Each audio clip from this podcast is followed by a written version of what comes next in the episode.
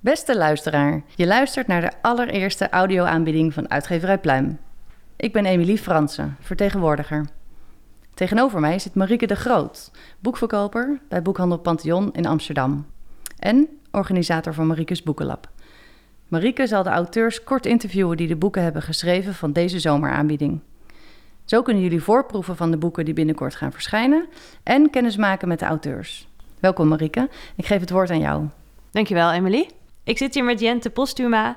Ehm, haar nieuwe boek uh, verschijnt in augustus. Uh, waar ik liever niet aan denk, gaat het heten. Welkom, Jente. Dank je. Uh, dit is jouw tweede boek. Je debuteerde met Mensen zonder uitstraling. Een boek dat in de pers, waar in de pers heel hoog over op is gegeven. Je werd genomineerd voor verschillende prijzen. Het dus werd heel goed ontvangen. Ehm, al met al. Waar kunnen we jou nog meer van kennen? Oh, ik schreef vroeger, maar dat is echt wel meer, nou wel tien jaar geleden, nee meer dan tien jaar geleden voor de Groene Amsterdammer. Um, interviews en voor NRC Next en de Volkskrant en Mr. Mo nou ja, ik was een soort freelance journalist. Hm.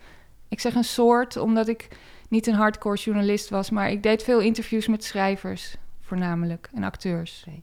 En je hebt je nu helemaal op het schrijven van romans gestort. Ja. ja. ja. Nou, gelukkig maar, want uh, uh, ik en ik denk heel veel mensen met mij hebben heel veel zin in jouw nieuwe boek. um, wil je, waar ik liever niet aan denk, kort voor ons samenvatten? Waar gaat het over? Um, ja, het gaat over een uh, jonge vrouw die haar tweelingbroer verliest. Hij uh, verdrinkt zichzelf in de rivier. Um, en de aanleiding voor dat boek was eigenlijk de dood van mijn, mijn schoonvader. Die overleed in 2014. Die verdronk zichzelf in een rivier. En ik heb daar een klein boekje over gemaakt uh, met mijn man, die is fotograaf. En dat heet uh, Probeer een beetje goed over me te denken. Dat zijn foto's en tekst van mij. Zijn foto's mijn tekst.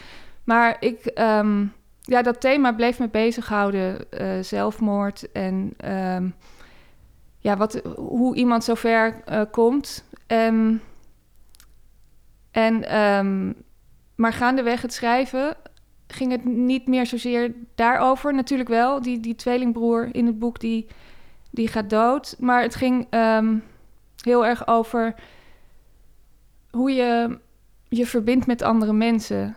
En, uh, want zij hecht, probeert zich heel erg te hechten aan hem. Zij is heel erg gehecht aan haar broer. En haar ja. broer is juist veel... Uh, die probeert zich juist los te maken van haar. En die zegt steeds dat hij een eigen leven wil hebben... En uh, op een gegeven moment neemt hij zijn eigen leven. Hij verlaat haar eigenlijk twee keer Dubbel, in het ja. boek. Dus zowel in haar herinnering als in het echt. Bedoel nou, je dat? Uh, dat eerst, is, dat... nou, sorry. nee, hij verlaat haar eerst door, door te zeggen dat hij een eigen leven wil. Oh, en dat hij niet ja. zoveel meer, uh, niet zo symbiotische relatie wil als, als zij. En, um, en de tweede keer als hij dat eigen leven dat hij al heeft opgebouwd verlaat. Oké, okay, ja. Um, het, het, klinkt alsof uh, de overgebleven helft van de tweeling uh, dus ook haar, haar verhaal, wat zij al heeft gecreëerd over hun, hun samen zijn, heel erg moet aanpassen eigenlijk. Um, doordat zij wilde met hem zijn en hij wilde zijn eigen leven zijn. Begrijp ik ja. dat dan goed? Ja, um, ik weet niet of ik jou goed begrijp. Nee, okay. uh, je bedoelt dat, dat... Nou ja, ze blijft nogal uh, boos achter eigenlijk. Ja, dat um, kan ik me voorstellen. Het is meer de gedachte waar het bij mij begon. Uh, de gedachte van dat mensen wel eens zeggen van... ja, ik hou heel veel van je, maar toch kan, kan ik niet met je leven. Of dat zeggen mensen toch wel eens. Ja. Ook in, in liefdesrelaties. Ja. Dat is mij ook wel eens gezegd door ex-vriendjes. Van, ik hou heel veel van je, maar toch... Um, ga ik bij je weg. Nou, dat soort liefde, zegt zij, daar gelooft zij niet in. Daar, daar, en dat is ook hoe ze zich voelt over haar broer. Ja, duidelijk. Denk ik. Ja, duidelijk. Ja. ja. ja dit is des te, uh, des te weten dat het niet 100% duidelijk is. hoe het precies zit. Want daarom heb je er een boek over geschreven natuurlijk. Ja, het is Want meer... Het valt niet zomaar samen te vatten. Nee, nee, dat is wat bij mijn vorige boek ook zo. Dat ik niet heel duidelijk kon zeggen waar het over gaat. Ja. Omdat het heel, heel erg gaat over ja, wat er innerlijk gebeurt met iemand. Die Ja. zich gekwetst, in dit geval die zich heel gekwetst voelt en alleen. En, ehm, en net als in mijn vorige boek gaat het weer over een iets te hechte relatie. En in het eerste boek ging het tussen de hoofdpersoon en haar moeder. En deze keer is het dan een broer-zus relatie.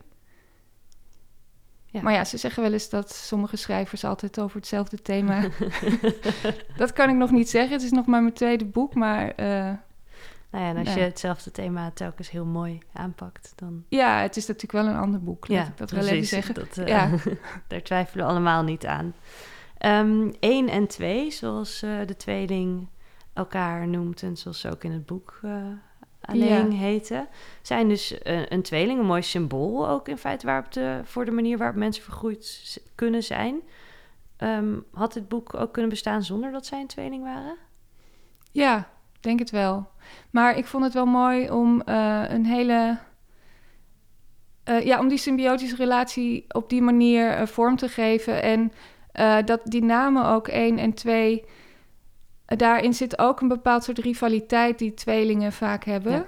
Ehm, want hij heeft die namen verzonnen. Hij noemt zichzelf één en, en zij is twee. En eh, hij vindt zichzelf su- hij voelt zich superieur aan haar. Tenminste, dat is haar interpretatie, want het is allemaal vanuit haar geschreven. En ehm, ik heb het, de indruk dat ook vaak de jongste, ja, de jongste van de tweeling, wie is de jongste? Nou, degene die dan in dit geval drie kwartier later op de wereld Ja. is eh, gekomen, die voelen zich altijd een beetje minder of zo.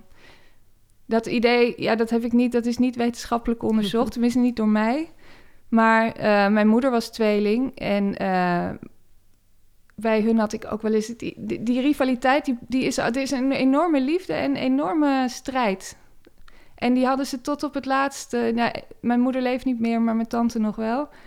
Tot op het laatst was die rivaliteit er. eh. Was dat er altijd? Ja. ja.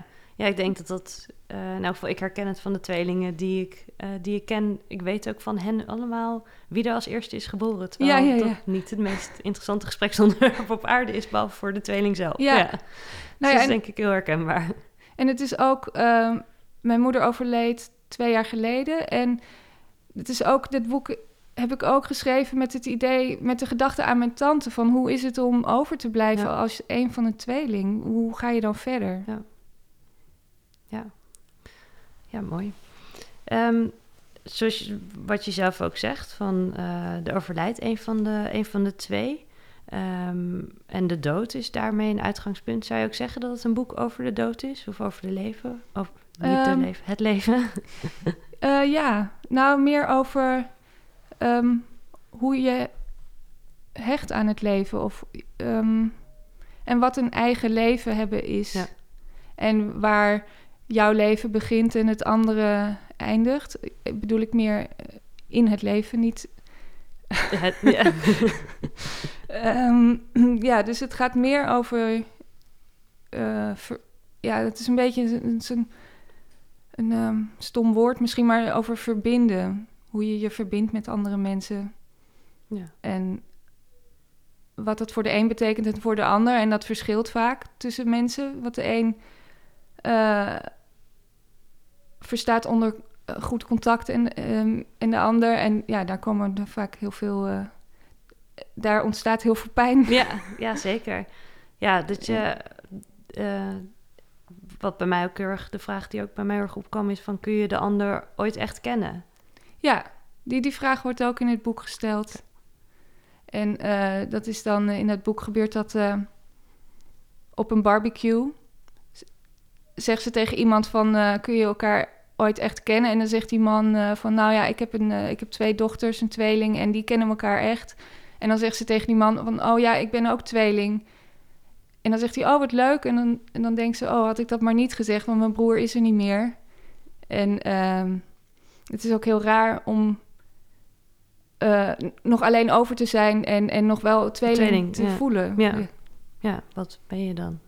Ja, ja eh, interessante vragen en thema's.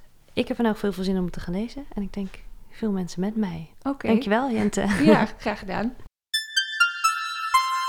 Bedankt voor het luisteren. Ik hoop dat jullie zin hebben om die boeken te gaan lezen. En dat jullie de boeken in grote stapels in de winkels leggen.